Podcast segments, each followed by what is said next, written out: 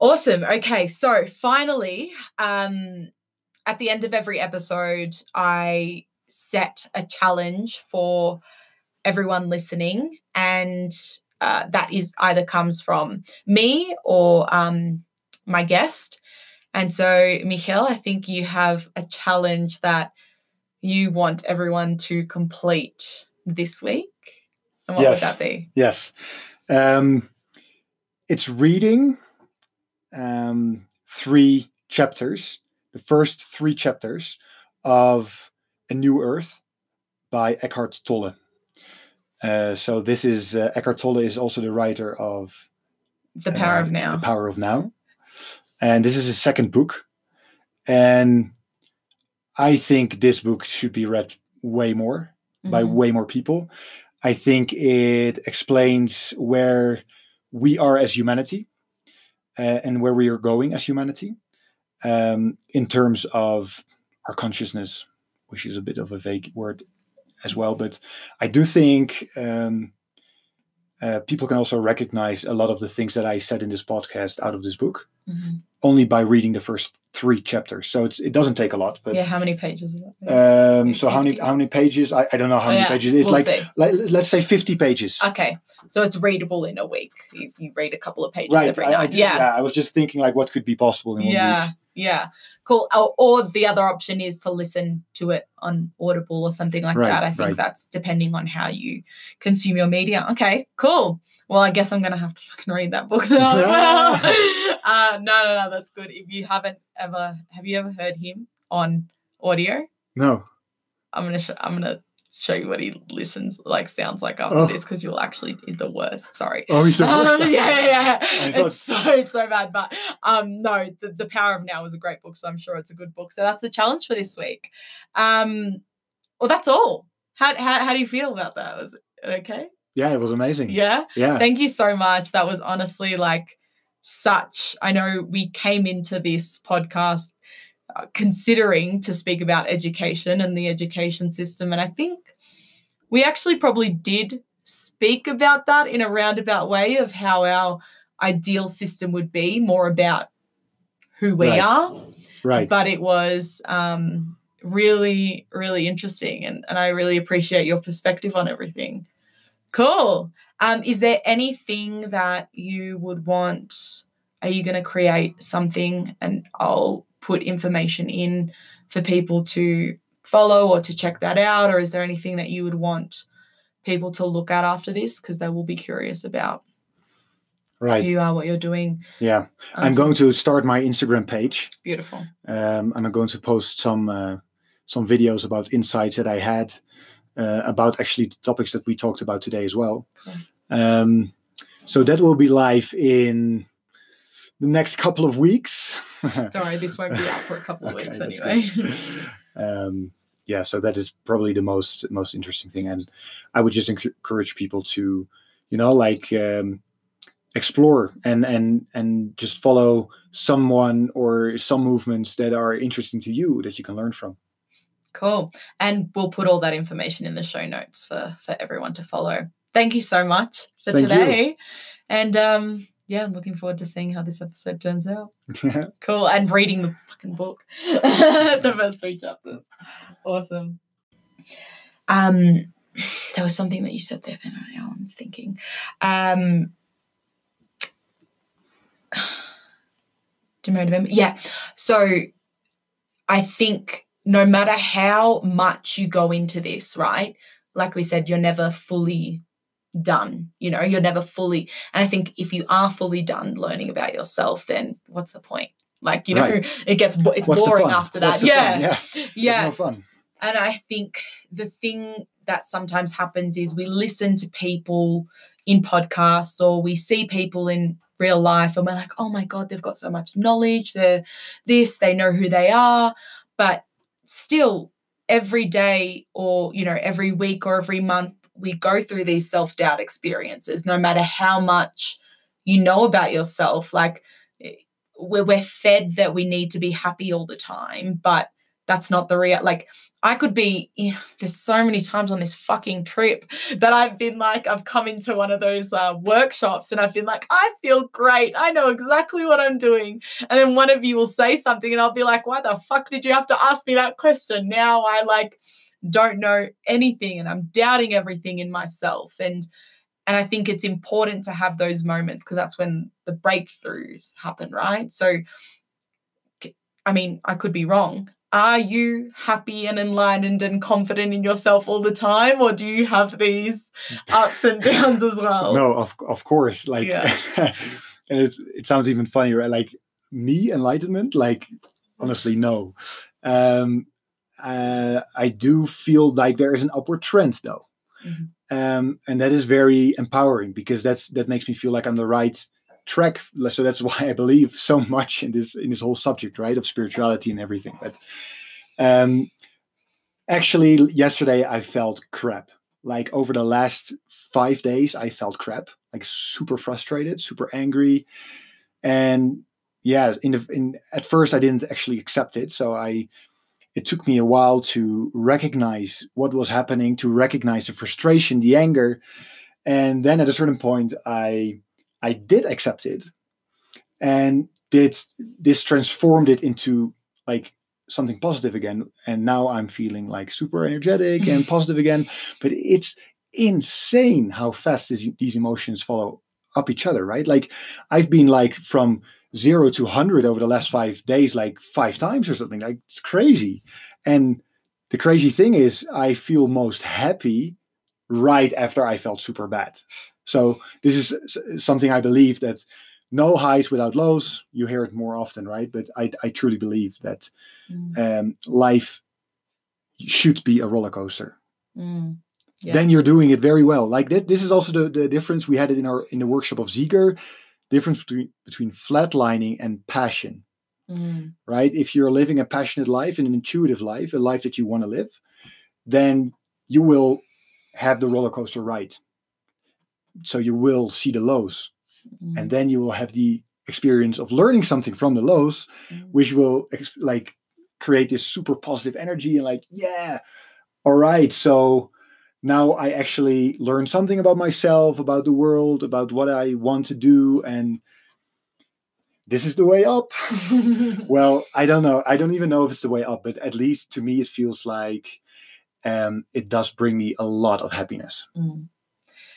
Before we get to my final questions that I ask all my guests, I want to know what are some things that you do to, I guess, hold this thing. Like um, for me, being on the like one thing that really kind of transformed my life was like uh, conducting experiments on myself and journaling. So really like keeping track of how I'm feeling and then on the days where I'm not feeling that great, being able to reflect back and be like, okay, maybe it's because of this, or just a little reminder to if I'm having a shit day to be like, I'm having a shit one.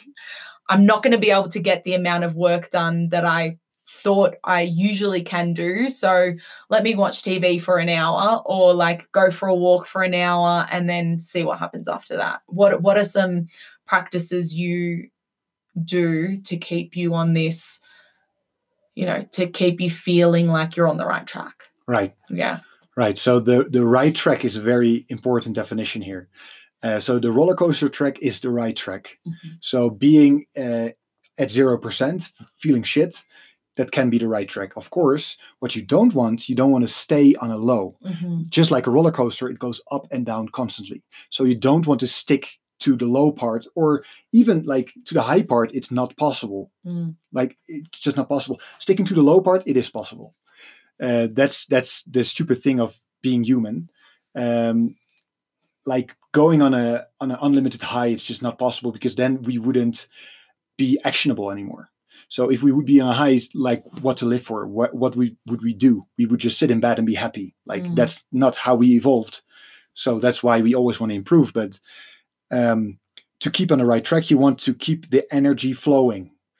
And that's the roller coaster going up and down. So you want to keep everything. So blockages, you don't want them. What is a blockage?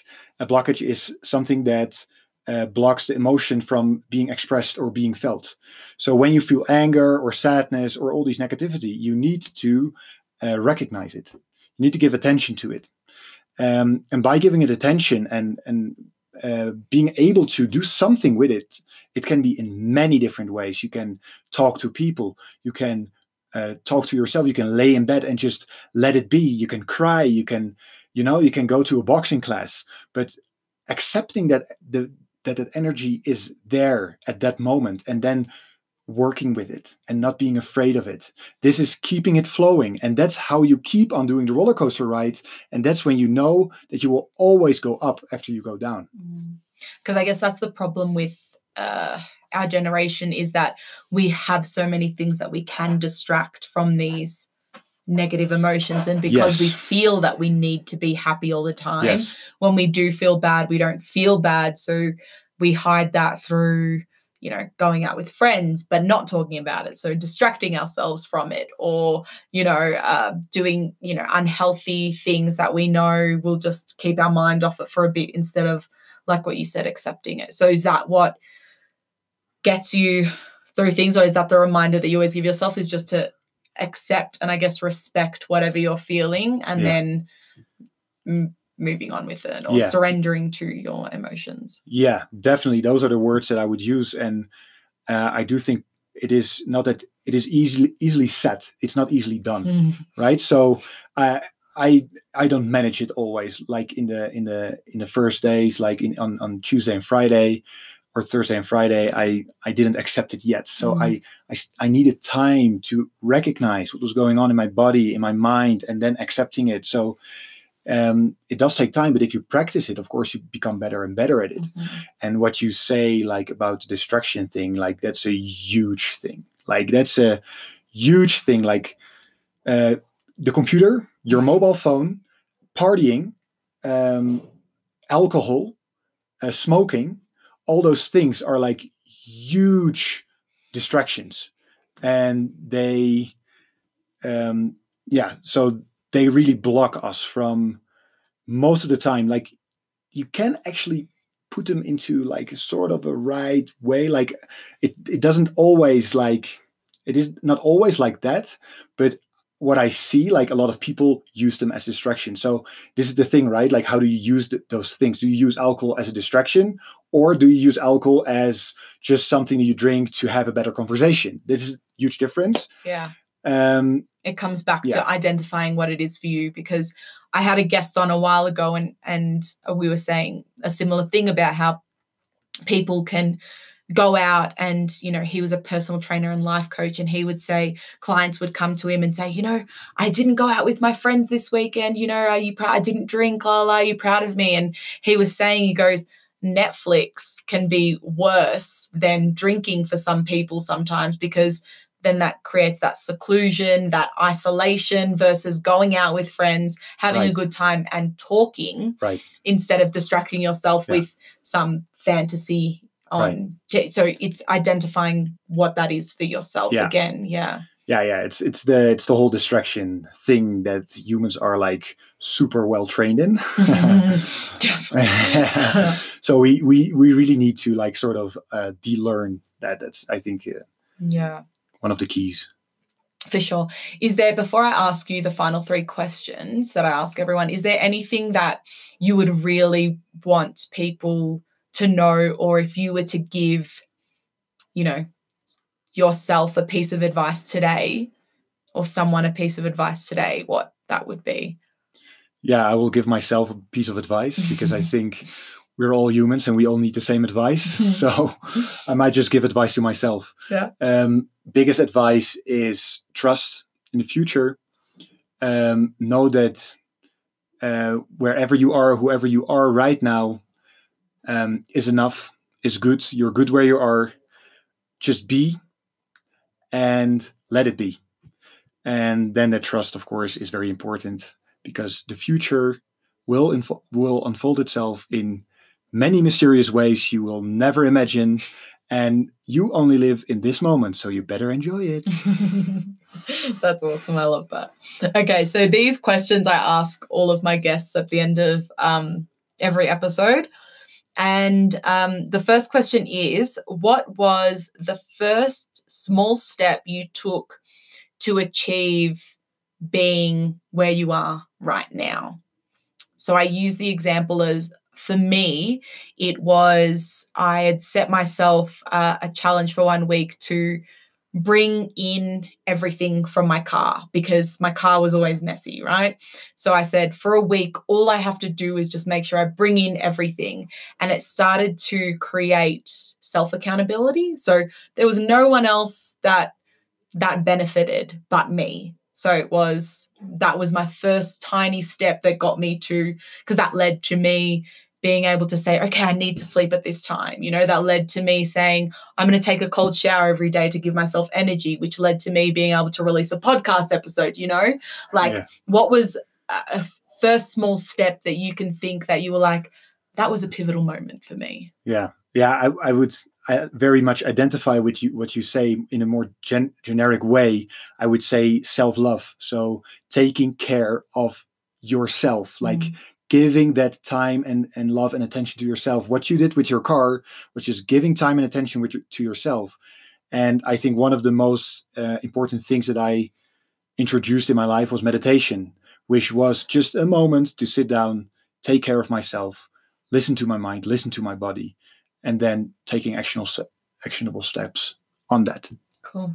Awesome. Meditation, very cool. Something that I've now been doing, even though I still drag my feet every time I have to meditate, but it's it's something that I'm definitely doing daily, and I can't see myself stopping. To be fair. Um, next question is What would you consider to be your biggest millennial crisis? And I define a millennial crisis as a a privileged problem. So, for example, right, when I was in right. my nine to five, you know, I had a job, I had money, I had a roof over my head, yeah. you know? Yeah. Yeah. Yeah. Like, so in in like any job that I had before before doing this, I didn't feel I didn't feel very happy or motivated. So and yeah, during my master degree as well and during my bachelor degree as well, just no motivation, depressed feelings, you know, all the time. Yeah. And right now, what would you consider to be your biggest millennial crisis. And I'll give you an example like some people have said, um, you know, living with a roommate that they're not thrilled with, or, you know, um, going, yeah, choosing a ho- only being able to go on holiday for two weeks instead of three this year, you know, what would it be right now? It's, it's definitely a very hard question to come up with one good example. Mm. Um, yeah, Take your time. Um, I, I, I would say like um, I had a job in a startup uh, doing being busy with renewable energy. So the subject that I love, uh, doing something good for the planet, which was something that I wanted to do. Um, having the most flexible hours ever, like I could work from anywhere at any time. Um, I even went to Barcelona to work there um, for a Dutch company. Mm.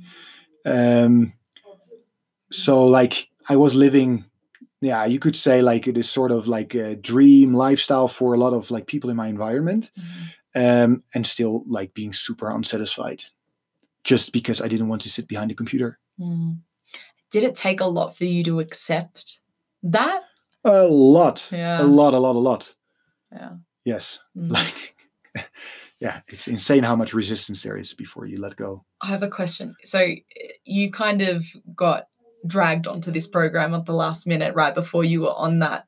Um, do you think that without that pull, you would still be there? Um, at that startup flexible definitely so but so a lot of things happened as well like so this the situation that i described just now mm. was probably before the first uh, Nomad MBA that I went on. Okay. So yeah, no, Nomad yeah. MBA uh, rescued me twice, you could say. it, it really did feel like that for me. Mm. Yeah. It's funny how we can get dragged back into, like, we can leave it yeah. for a bit, but then get sucked back in. And yeah. it's a common theme that happens with all of my guests. Like, yeah. they they might be in their dream job now, but it took them like six times of being sucked back into to that kind of lifestyle of what we think we should be doing versus what we want to be doing. Yeah. right. Um, the final question, I think you're going to struggle the most with this one, is uh, what is one one thing you're still curious about and want to explore? um, it's it's the it's the whole concept of life. Very broad answer again. Shit. Mm, but for me, honestly, like just explore life is is it's a gen- general thing, you know. Like what is life about? And there's so much to discover in that. There's so many great thinkers that have written books about what this life is about, and there's so many great people living on this planet that you can talk to and like learn from.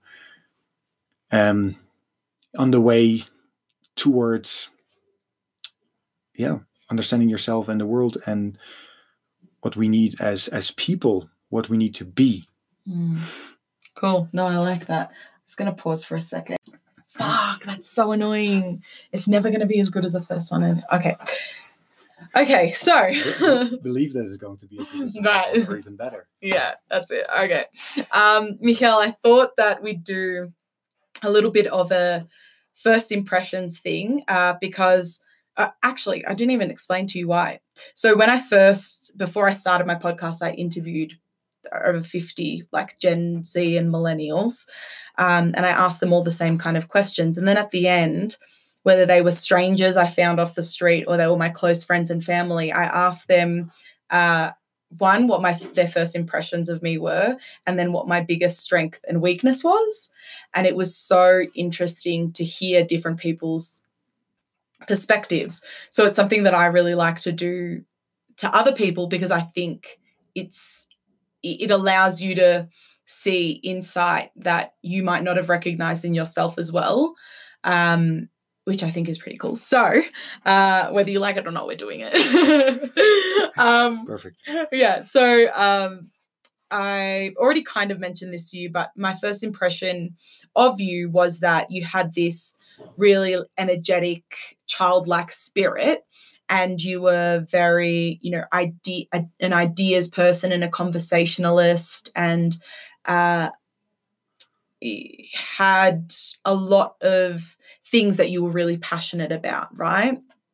And what I didn't realize was after we had our mentor session, because you're my mentor on this program, was that you are very intuitive and you are also um, can be placid as well. Like, although you have the energetic spirit to like begin with, and that's how it comes across in the beginning, you can be soft, quiet, intuitive, like emotional in that way, um, which I thought was really cool because I I related on the way of like being this like childlike person and for me I found that people would underestimate me for that or or think of me in just this one outgoing kind of way and not think that I could be that other side.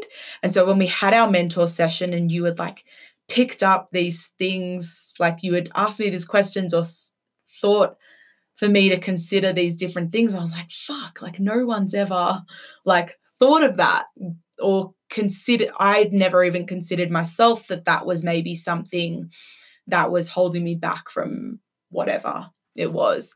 Um and so I thought that was really kind of interesting. So I wanted to know from your perspective, do you think that you get underestimated when you people first meet you or how do you how do you deal with having this childlike spirit and energy and then also having this really intuitive side Yeah, um, I, I do get underestimated sometimes. Um, uh, I wouldn't say a lot. Mhm. Um, you know, some people respect actually that childlike energy and like the honesty that is in that, and other people are like mostly in the first seconds they are a little bit like confused, like, all right, so what is this guy about? You know, like, uh, is he- is he ever serious or is he Mhm. always like this this unserious, playful character?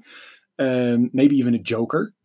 Um, while I don't see myself as a joker at all, you know, like the reason I'm childlike is because I am intuitive. So those go hand in hand. Um, like childs, like children are intuitive beings. Um, and there's like great wisdom in that. I feel, um, but I recognize what you say. Um, sometimes it feels hard to sort of see the the the serious value in being intuitive, being an emotional person.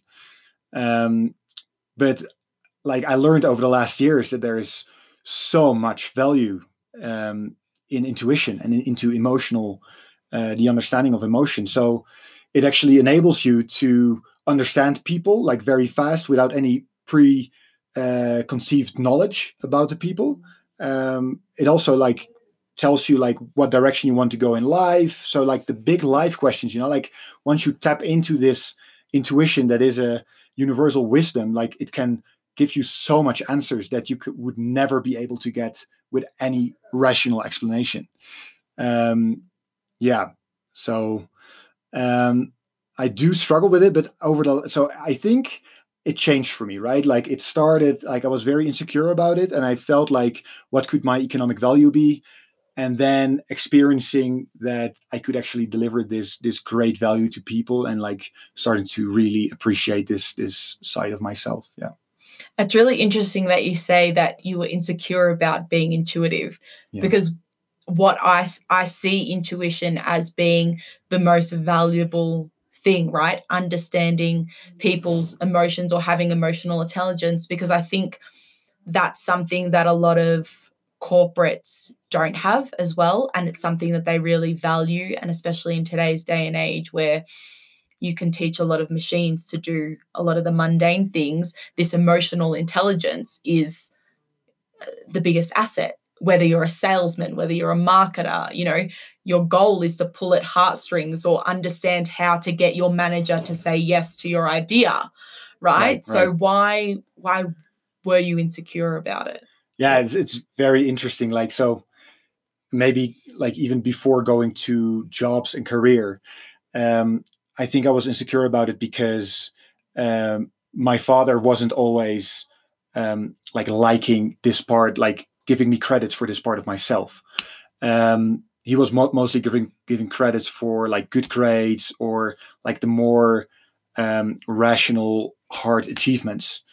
Um, that changed also over the last year. So that also give, gave me a like a big confidence boost. So like when I started believing more in myself, my father also saw like the, the great value that, that this intuition could could like give.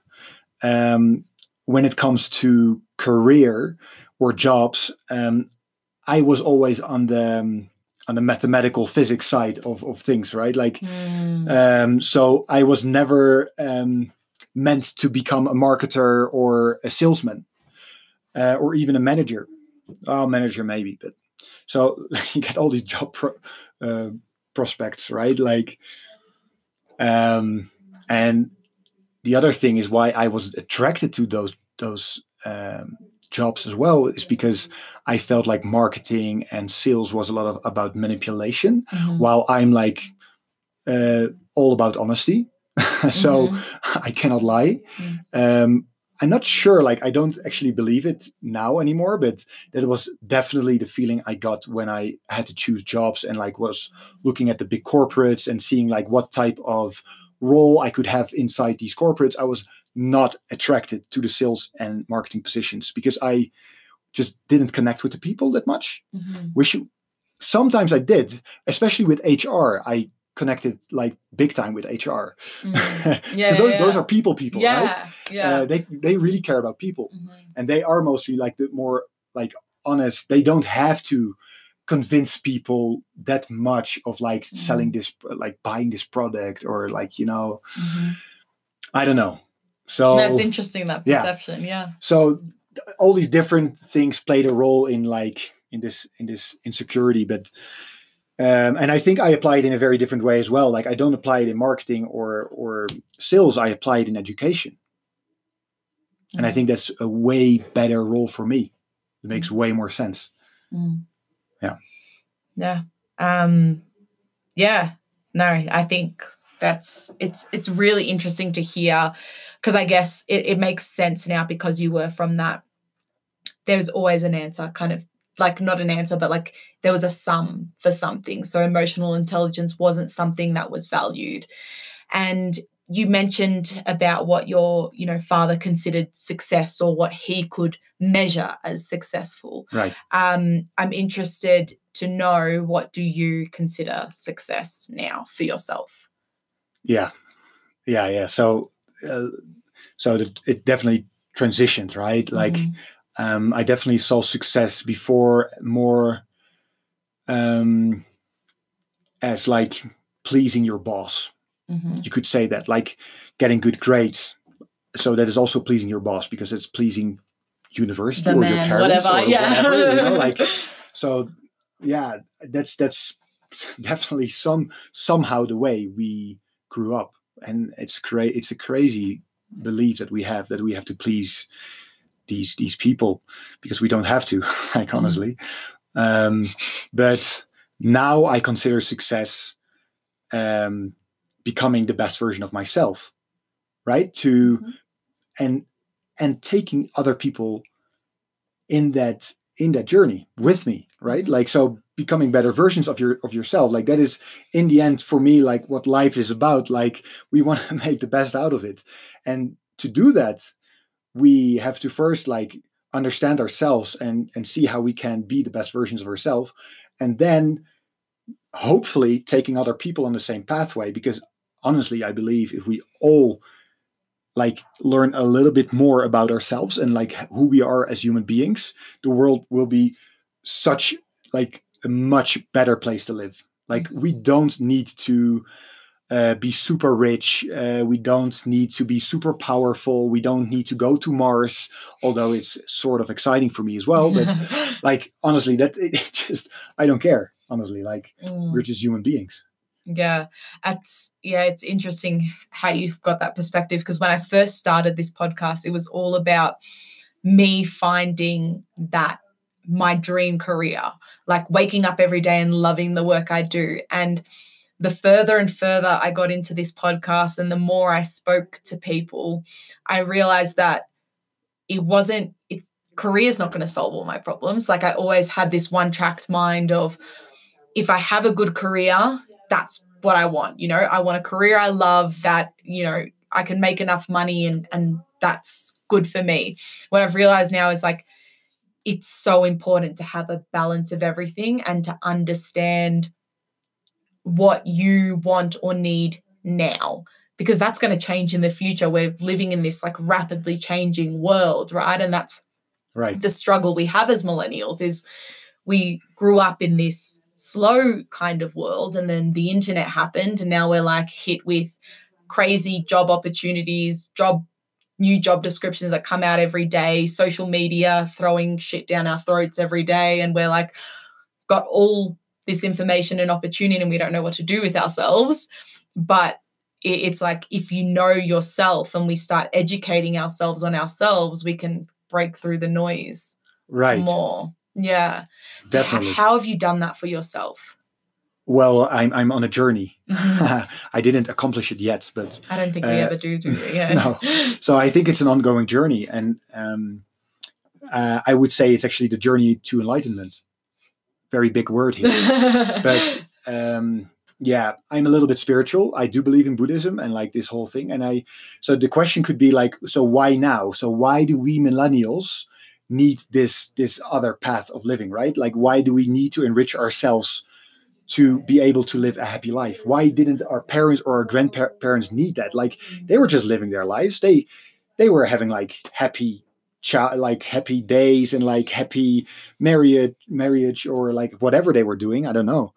Um they weren't weren't complaining. So i think we are in an in an age that we realize that actually um having like more money more stability uh, more technology all those those things they don't contribute as much to our happiness anymore. They are not the limiting factors to our happiness. And as human beings we always search for more. That's what we are right? Like we are we evolved. We evolved because we were always meant to become better better versions of ourselves. So we want to grow. This is the the, the growth thingy that we have as humans. And right now what is the thing that makes us grow the most and gain the most happiness in life is enlightenment Mhm. is understanding yourself Is that what enlightenment is? Well, enlightenment is um, uh, getting rid of all the blockages and limiting beliefs that you have. Mm-hmm. Okay.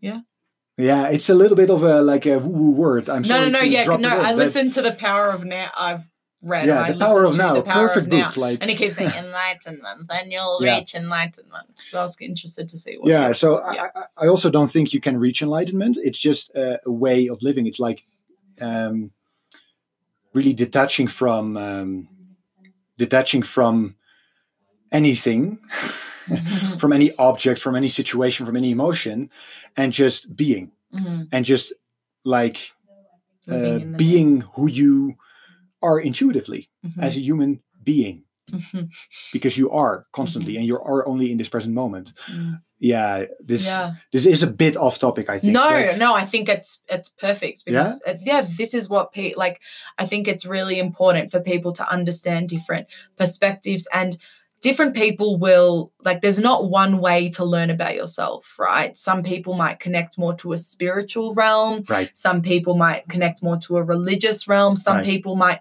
relate more to like a practical thing where they take quizzes and they you know say i'm this identity type i'm this i'm that you know Right. and that's how they start to find out about themselves Yeah. more so i think it's important to hear how different people began to slowly start figuring themselves out more Right, right.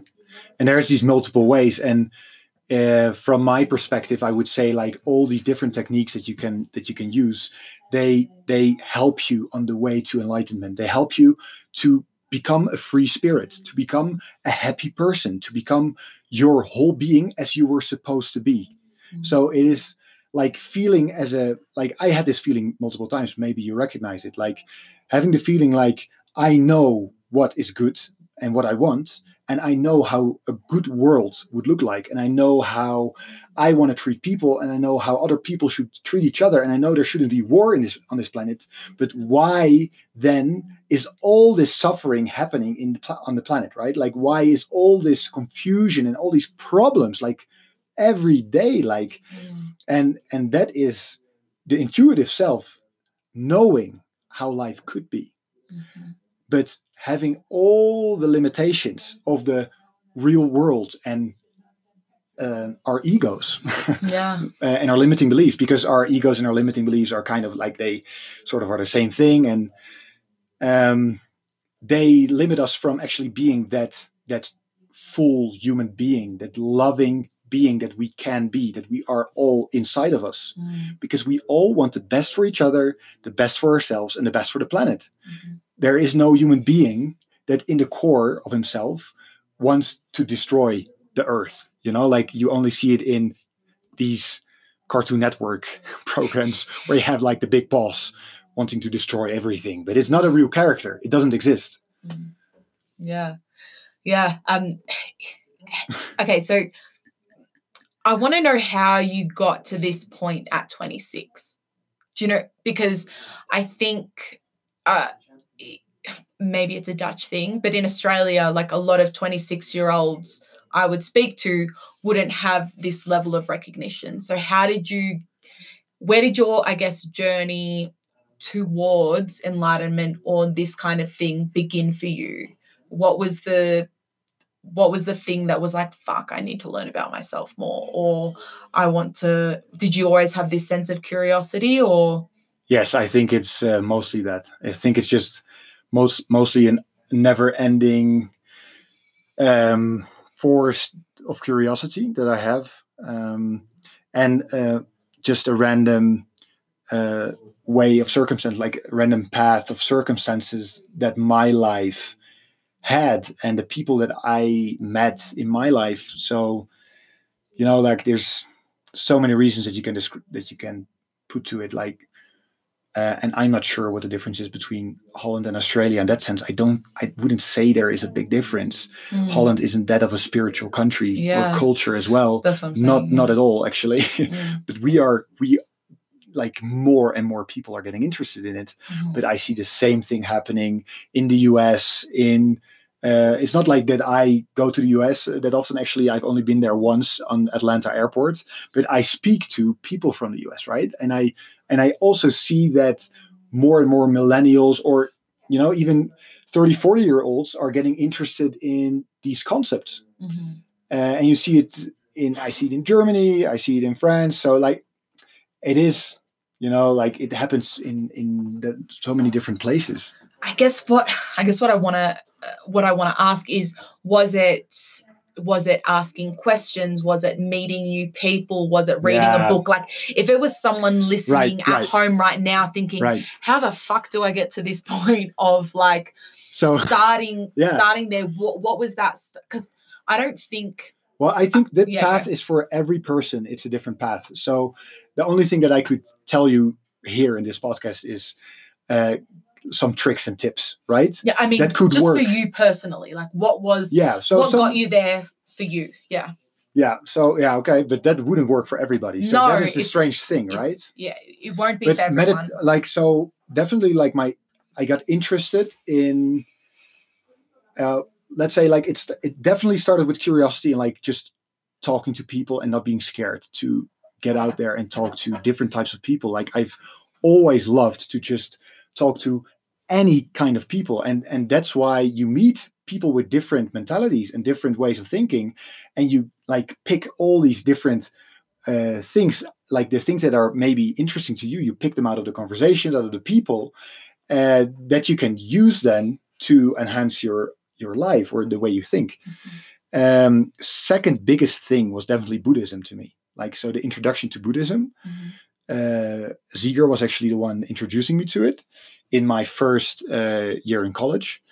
Um, and I went to some of these uh, Buddhistic meetings and uh, just seeing these people that practiced Buddhism for like years and seeing how calm they were and like how how they were interacting with the world. It was super interesting to me because I saw there was great power in their self-awareness, their the awareness towards the planet, towards each other, uh, the calm that they had, like the confidence that they had. So there, that definitely attracted me a lot, and um, it made me very interested in Eastern philosophy. So I started reading about Eastern philosophy a lot.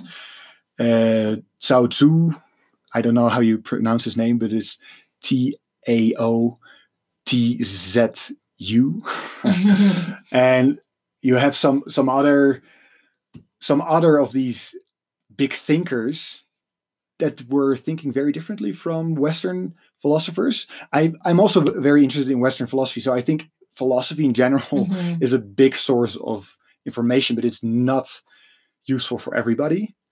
Um, and then you have all the books, you know, like uh, New Earth or what was the book that you The Power mentioned? Now. The Power of Now. Um, that you can read, you know, like Mm. um, yeah, No, that's it. Yeah, that's. I think that was the thing, and I, you're right in saying that that path isn't going to be for everyone, right? But I think the common factor of all of those things was to broaden your perspective and to broaden your environment and to learn as much from different kinds of people. I think that's what allows us to learn more about ourselves. The reason I started a podcast in particular was because that's what podcasts did for me. I was uh, in my university, like, I didn't really make friends at university because I had a huge, really great group from high school. So there was no need for me to go out of that community. And I still lived at home and I went to university 20 minutes away from my house. So the people I met there were similar anyway.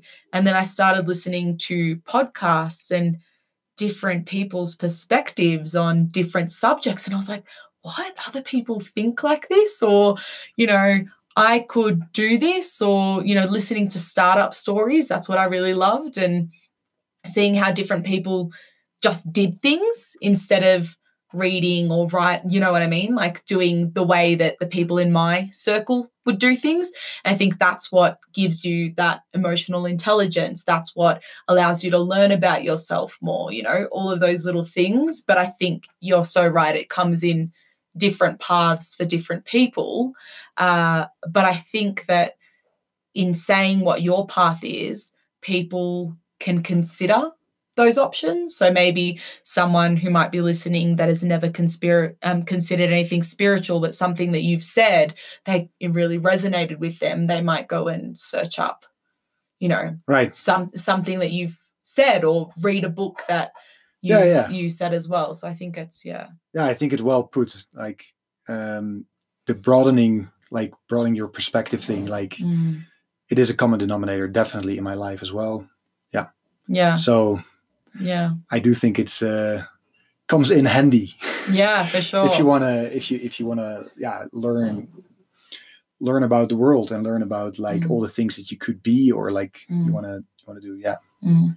I, I guess the final thing to to finish that thing up is you you had mentioned how your father had this uh, picture of what success was and what he could measure as success, and I guess boast about you to friends and family or whatever to be like, oh, my son did this and you know grades here or whatever, and then you said how recently he has been envious of your intuition and and actually said that to you like I wish I could be like that which I think is huge like it- for for first of all for your dad to swallow his ego and be like listen right you know and that's something that you've taught him I guess you know because in a way yes yeah. Uh, and I think that's really awesome of our generation is that we can teach our parents things, but what we forget is like it takes time because they've been stuck in this way for their whole lives. So to broaden their perspective, it takes a while. So I guess since that happened, have you felt that you have grown more because of that? Because almost that reassurance from your dad like has allowed you to be like fuck i am on the right path. Like I, I i definitely think it gave me some extra confidence. Mm, but the ironic thing is that i first needed to like step over my uh, self-doubt and the need for recognition of my dad before i could actually start expressing myself like in in this very powerful way. Mm, um, it's only then that I gained the confidence to be myself, like to express myself fully around my dad, and showing him what the power of that could be. yeah So only after I like took this huge leap, like to say, okay, whatever you think, I'm going to do my thing. Only after that, um, like the, the dynamic changed. mm, And it was, of course, all these things are not like momentary things, like they're slight transitions, right? mhm. Yeah. no i uh, the reason i say it is because i think it's something that a lot of people struggle with and it's something i had struggled with a lot is my dad wanting me to go down a particular path or his ideal of what my life or career would look like and then me going through years and years of is dad right? Like should i am i doing the wrong thing? but feeling in my gut like no no no this is right this is the right thing to do. And only until i owned that like you said that he started to be like oh maybe you know oh i heard so and so doing this or this seems cool. And i think that the big lesson is that like to really under to understand yourself enough and be confident in yourself enough to be able to block out the noise of socials parents friends community the man whatever university systems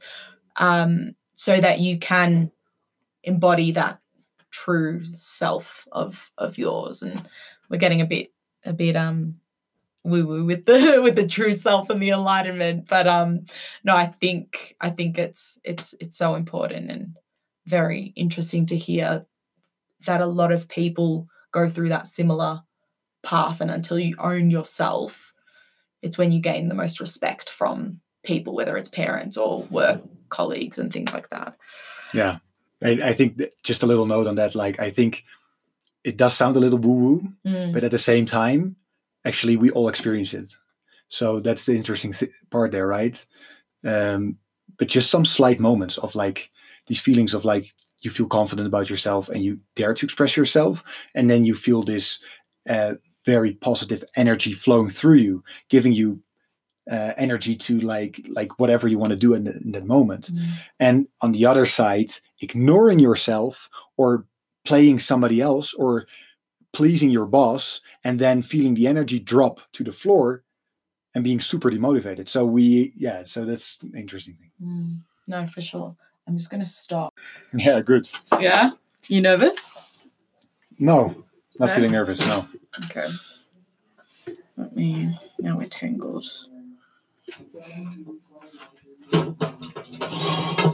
Okay.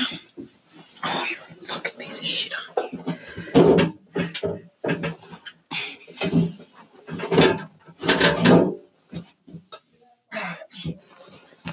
Just attach this because this has my questions.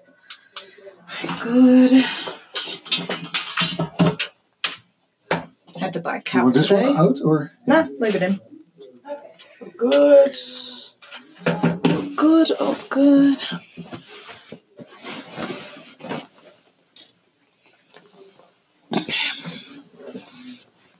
Yeah. Yeah. Alrighty. Um, let's jump straight into it, shall we? Let's do it. I'm ready.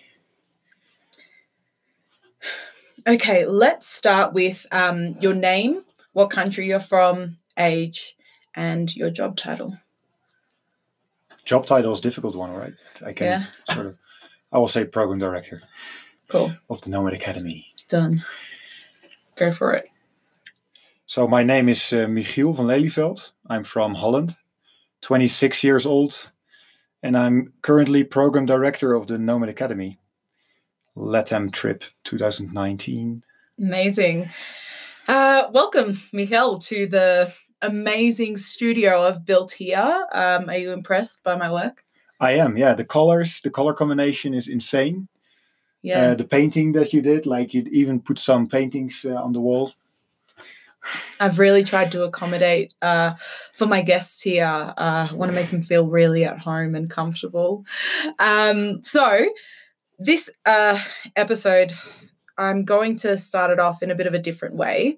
I thought it'd be fun to ask you a couple of questions to set the tone for the podcast. Uh, keep in mind they're going to be a little bit difficult, so take your time answering. Um, the first question is What would you consider to be your biggest strength? Ha ha! Straight in. Yeah. Um, okay. Um, I guess my biggest strength is to listen to people, to really listen to people, uh, what they have to say, what they are saying, how they are feeling. So uh, subtract the real meaning of their words, and then sort of making sense of that and um, in what is going on inside them. Yeah, and then maybe even reflecting that back. Cool. And then the second question, it's similar, but I think very different. Uh, what do you think your friends and family would consider your biggest strength? Yeah, yeah, yeah. It's a nice question. I actually asked this question today to uh, Gabriel, Really? a friend of ours, um, because it is a different question, right? It it depends on like how you see yourself or how others perceive you. But I do think that, like for instance, my parents could say that, the, like, could mention a similar strength. Um, but they could also mention something completely different, like uh, oh, he's very creative or something. I don't know. Like that's what my mother sometimes says. So it, it, it really depends on the person. Yeah. Mhm. So let's say your mum, would she would say you're creative. Yeah, because also that's something that she focuses on, that she likes. Uh, she always says like, "Oh, you were a drawer when you were younger, and now you're never drawing anymore." So uh, yeah, don't forget your creative side. You're blessed with it. So yeah, I don't know, like That's awesome. Um, so I guess we met on Nomad Academy because you are my mentor for the program. And um, I guess let's start off with how, what exactly your job is here on Nomad Academy, because I think people would be really curious and interested in what you do and I guess this crazy job that you have, because from you know the outside looking in especially for the majority of the listeners on this podcast your job is like this crazy thing. You get to travel around south america for 3 months with 25 people from all around the globe like that's pretty crazy hey Yeah. Yeah. Yeah, I know that that people uh, see it like that. Yeah, Mm. I don't see it uh, like that myself. No. Uh, for me, the my job is really about people and getting people as as like getting as much out of people as is as I could possibly get out of them. So I see my role like a coach. Yeah. So I am sort of like a little bit of an organizer, right, of the trip, like a sort of a how do you say that? Like these people that organize like trips trips to to to different countries, and like you have to put people in buses and in airplanes and in the accommodation that they and you have to make sure that everything is uh, nicely organized. But actually, like a lot of the organization is done by Nomad Academy, like from from uh, Britain and Holland. So my role, like like the main focus of my role is um, to work with this group um, of young professionals that want to change their lives, that want to take control over their career, that wants to want to gain confidence in what they do, um, and maybe like do something that they really love to do. Right. So it's the millennial uh, the millennial crisis, and I do really believe that we can uh, work with it, and that we can, um, as a as a generation, create be- beautiful things like new ways of working. Um, so my goal is really to enable the people on this trip to find that inner strength. Hmm. I'm really curious to know because your English isn't your first language and Yeah. you're dealing with 25 people from all around the globe that English isn't necessarily their first language, but that's how we communicate here. Do you ever find it difficult or cultural barriers between some of us and yourself, or do you find it difficult to fully reflect what you see in people or be able to be a program director in that way? Um, so uh, on the last trip I did, Mhm. I had much more difficulties with the cultural and language uh, barriers. Um, over the last years, I've I've been working more and more with international people. So I I think most of the troubles that I had with it, I grew over it. Sim- simple as that. Like I also do think that, you know, like humans are way more similar than we than we think. Like even even the most like extremes uh, like uh, tribal life in Africa and like New York, uh, whatever, like uh, businessmen, they have so much in, co- in common. You know, like the human mind and the human soul, it, it, it has such a, a big common denominator. So uh, I think working with people around the globe is in the end possible, uh, but you have to overcome like some practical little things like limitations that your maybe your brain has like or language barrier like definitely my english improved a lot over the last years. Uh, yeah. Yeah, because I think your English is great, but I'd be cu- I was like curious from your perspective if you ever feel like you can't express or say something the way you Yeah, wish you would be able yeah to. so I, I i had this problem like a lot last trip. Like i i was especially when i, I was presenting uh giving a workshop um or even like having a, a one-on-one with people. Um having this feeling of of like wanting to express something and and i wasn't able to find the correct word for it and i was uh, getting stuck in my sentences in the stories that i wanted to tell and this made, made me of course like insecure and then you start uh, even make make more mistakes or like yeah like the, you get out of the flow. Um but i guess like trusting in that people will understand you is like the biggest like thing to just do. Like you can people will understand you if you just talk and talk with your hands talk with your body use your emotion you know? We have so many different tools to communicate. So in the end it's all about it's it's it's really about like the the speaker and the listener and like the the patience that they have for each other yeah and the willingness to to understand each other. Mm. Uh, It's interesting because I only considered it when I started trying to speak Spanish. And so in Valpo, I would never like go to the grocery store as much. Like I'd go to the supermarket versus going to like the local market because I'm like, uh, that communication thing. Like, I want to say something, I'll know a few words of it, but what I won't know how to finish it. So that's too hard. So I'll just go to the store instead. And then I was like, oh my God, the people on the trip that English isn't their first language, imagine them trying to express certain things or phrases that they usually have in their language that they can't get across and communicate to native English speakers, you know.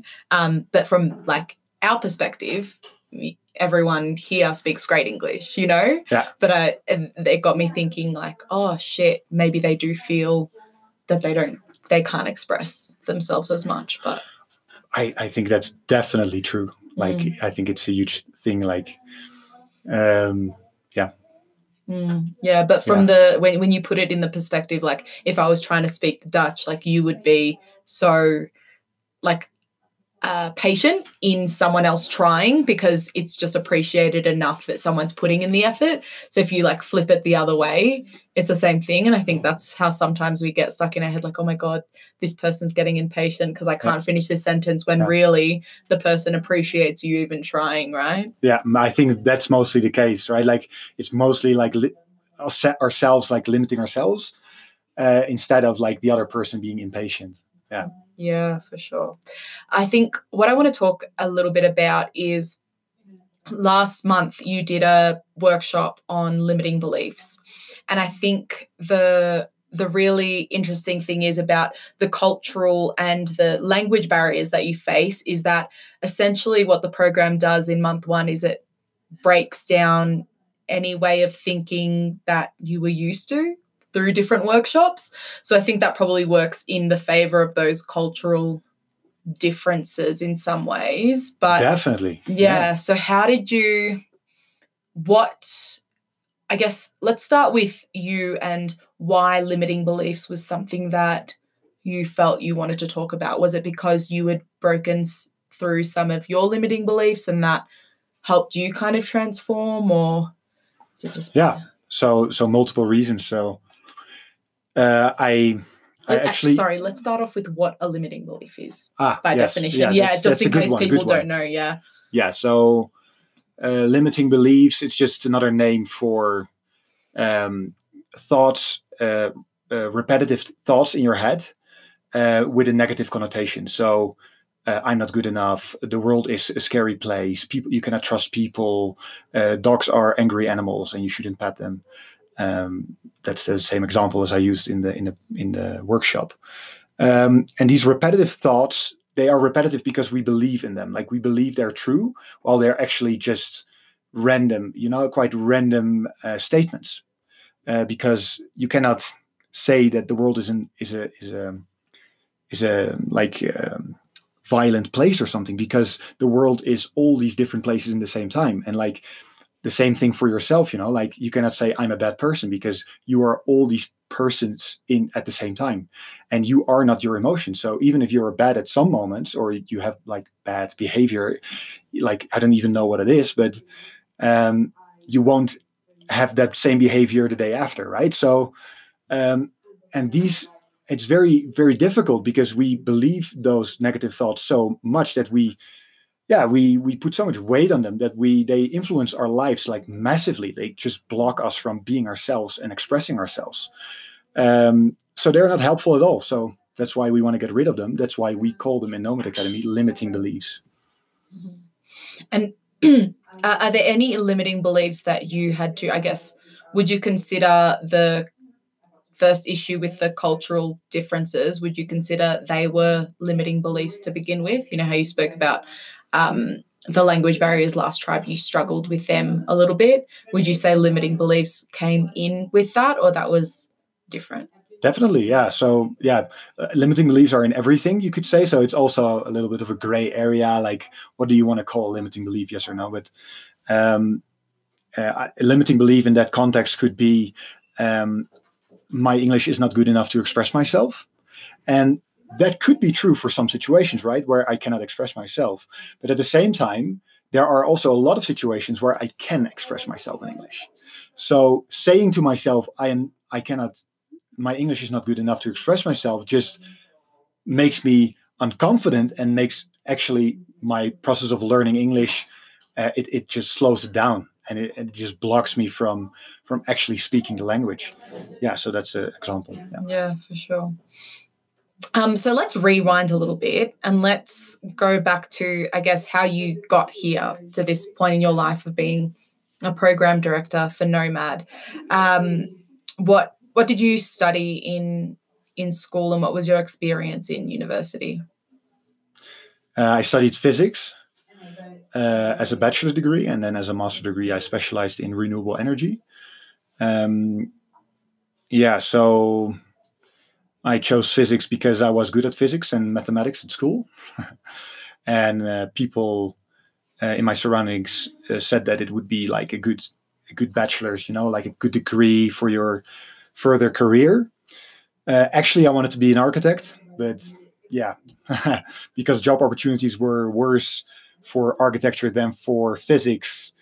Uh, there was a lot of fa- it seemed to be like a to have a lot of favor to study physics instead. So that's why I ended up there. Um, but I, I I loved it. I liked it a lot. I still like physics. Um, yeah, but uh, I also knew that it wasn't um, the path for me to stay on. Mhm. But you stayed on because at the time you I just wanted to finish my my my degree. You know, like I just I I it didn't even come up in my head to stop with my degree because I thought I started this and now I'm going to finish it. And I I got my grades. So like there was no reason for me to stop except for a feeling for one and a half years of feeling like sort of demotivated right? Like this crazy demotivation for actually going to classes and doing uh, doing my exams um, but it's it's crazy how we can manipulate ourselves in these in these stories that we have to keep on going right like yeah Yeah, for sure. And then after you finished your degree, what did you do? Did you travel a bit? Did you study more? Did you get into full time work? What was your yeah so maybe a- like a short um, a summary of what happened after my bachelor's was uh, at the end of my bachelor's i felt uh, super demotivated for uh, for my for my studies. Um, i felt like i didn't want to study anymore. I wanted to work like work with people go into the world like learn from the world right? Like really like going on adventure instead of like sitting in this classroom and like being super bored all the time. So then I went to do this volunteering project in South Africa. Um, with like we were building a biogas digester for local farmers there, um, and it was super cool because we could set up the whole project ourselves, um, which like gave me like the insight of like how cool it was to you know like start do something that is really your own like doing your own project and being super passionate about that. Um so then I came back and I, I was like, okay, I'm I saw like how in South Africa like politics was super difficult and like actually the nature there was running down very fast because of climate change and there was like a lot of energy issues there. So I wanted to like go into the renewable uh, energy industry in Holland. Um, so I first like I still wanted to do uh, like not to do a master degree, but my my father like like pushed me to do it anyway. So that's why I did my master's in renewable energy engineering. Um, so despite being in because the thing you did in South Africa that had to do with renewable energy, right? yeah, So biogas despite, is a renewable energy source. Yeah, so despite seeing that and being like firsthand and enjoying that, you still did not want to do a master's. Is that because you didn't see the point in it? I didn't see the point in edu- Okay. in the traditional education system. Yeah. I was like, this traditional education system sucks. Like it, it's so passive. You know, like I can learn way more in the work field, like just by doing my own thing. Uh, I learned way more in in South Africa than I than I did in like uh, two years of of doing bachelors or something. You know, like about people working together, what the world needs, like how I react in certain situations. So it's mostly like like really developing those those like basic human skills and and yeah that you really need to i think make a positive contribution yeah Yeah, that's so interesting because I like when I was studying a marketing degree, I was working in social media and digital marketing, and that it was at that point when I was working in it that I was like, this degree is pointless. Like it's not until you get in the workforce and you realize that the theoretical things mean nothing unless you can practice them. Right. Yeah, that's that's There's a huge gap between what we learn in university and like what we can actually apply Mhm. in, in in in the work environment mostly. Yeah. Yeah. So it, it, it's interesting because that I guess that means that being passionate about something sometimes isn't enough to if you're doing it in the wrong way. like you enjoyed renewable energy working on the program and you said you were passionate while working there however when it came to doing it for a master's degree that passion still wasn't enough to get through it you Right. know It's interesting, so it's right? yeah yeah, it's like uh, yeah. passion for the subject isn't enough to actually enjoy what you're doing. It's like I experienced it actually also after my master's because I worked in an, in this uh, renewable energy startup, and I was busy with like helping uh, the Netherlands become more sustainable. Uh, but I could still feel like just sitting behind a computer and like doing this like day in day out, like it was just not giving me any energy. So even though the subject can be super interesting for you and like go like comes from the heart, Mm. you can still be like get lost in this in this negative spiral of, of negative energy. Mm. Yeah. So Yeah, 100%. I think that's one thing we all struggle with and we question a lot because I know for me, like, I'm like, oh, marketing's like, it comes easy to me, it's good. But every single marketing job I've had, I've hated. So I'm like, is it marketing I don't like? Is it the environments I don't like? Is it the particular area that I'm working in? And I think the environment you're in, no matter how much you love a subject, can really dictate whether you pursue it or not. Definitely, and I think that's yeah. one thing we're not taught or we don't consider when we are not liking a job, right? You might be in uh, renewable energy, like you were after your master's degree, and be passionate about the subject, but the environment's not right for you. So then you question, like, oh, maybe renewable energy, like you might blame it on the renewable energy stuff versus the environment Right. because, yeah. yeah yeah definitely that's a pattern that i that i see coming back like in my own life in in uh, lives of my friends careers of my friends um i do think that we neglect a lot of aspects that are important for us as human beings uh, we are social animals it, it's even maybe it's even very simple right we are social animals we have these needs and they are mostly neglected in the work environment um, so yeah, that's that's a problem that we that we face. I think as millennials, especially because we cannot deal with it. Like we don't Mm. accept it. Yeah. And what have you figured out for yourself what your ideal, like if you were looking for a new job, what kind of environment you would look for? Let's say it was in renewable energy, give like pretend Nomad Academy is not a thing, right? Yeah. And you were looking for work in renewable energy because you know that's something you're passionate about, right? Yeah. How what would you look for in a job description now Yeah. because of what you've learned about yourself, I guess? Yeah. So I think the very important is that there's not one right way. So there's all these multiple facets that play a role, and it's very personal. Um, and n- it's not going to be a perfect job, n- like never. So uh, you just try to sort of find a balance there. But for me, like some aspects that are very important is like, um, do I have a lot of like social contact? Um, either with colleagues, like brainstorm sessions, or with clients uh, on a, on a daily basis, right? Like not not like once per week a meeting because like that, that's just shit, you know, like Mhm. doesn't work. Uh, then comes the computer time. So like how much how many hours are is are you like uh, is expected that you sit behind a computer on a desk in in this office uh, where your boss is watching you and like this is a very vague thingy right but um so th- this feeling of being locked up in the office it's a it's a big thing and there also comes the responsibility aspect so uh, do you have a boss that um, requires you to do specific stuff and says like this is what you do and you do it good or you do it uh, good or bad or you have a boss that says here uh, this is your your task. This is your responsibility. Now you can choose how you want to do how to uh, finish this job uh, in the way you feel is right at this moment. Um, so that's the self responsibility.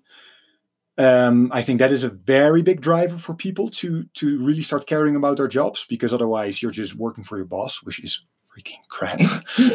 Nobody wants that. Yeah. Um, then like even like aspects like what kind of office, like what is the work environment, like who are the people you're working with, um, like do you have if you walk like out of your office, like do you walk into the most busy street of London or do you walk into this nice park? I don't know. Like there's these aspects can play a huge role. Mm-hmm. Um, yeah, physical physical work that's also an important one because I do feel like we as humans we do really need physical work, but there's nearly no job anymore that requires physical work, especially if you did university. Mm. So I think that's a very interesting one as well. Mm.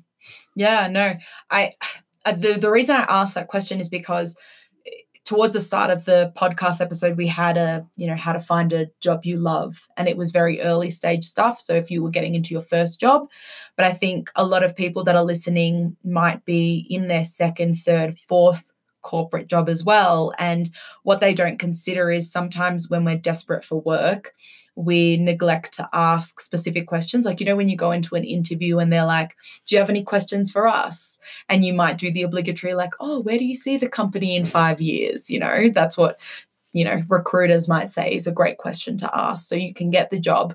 But what we forget is what do we need to be able to want to stay in that job? And so that in a year, we're not looking for another job, you know, Right. or in three months, we're like, fuck, I hate this. Like, I need to get out. Yeah. And I think that's, they're really good questions to consider and to ask.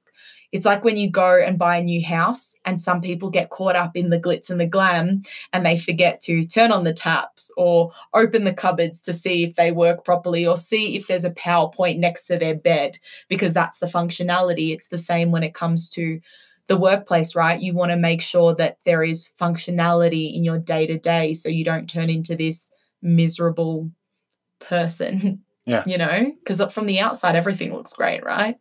yeah, definitely. And it also, I, I feel like this has, also a lot to do with the the way we look at employ employees and employers Mm-hmm. and the, and the roles that they have. Um, as mostly, especially when you roll out of university and you're young, you see the employer as the big boss that you need to please, Mm-hmm. right? Uh, and the the better you please him, the better job you get. Um, well, actually, it's a mutual relationship, and there's just as much for you to ask.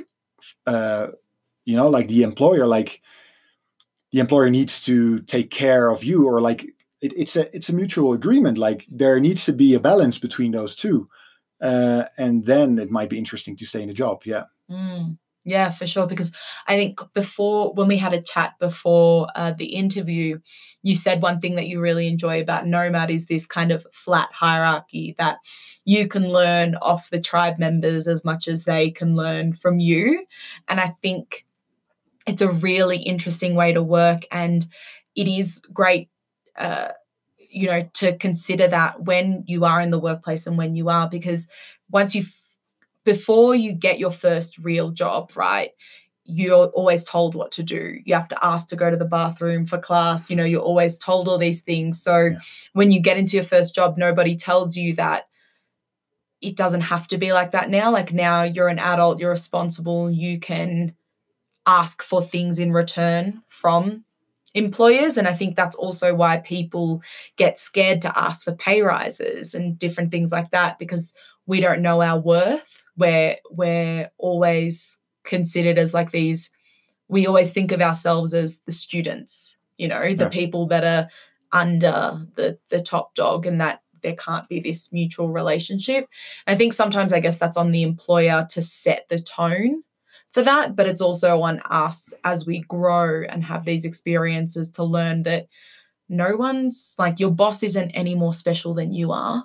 Like, one, you could be your boss, but two, like, just because he's your boss doesn't mean he should have less respect for you because you're the worker. definitely. Yeah, Mm, I think it's super important. yeah. Yeah. Um, so I thought we'd do um, uh, a little bit of a not a game, but um, what when I first like when we first came to Nomad, I thought I'd I'd give you a little insight on my first impressions of you, and then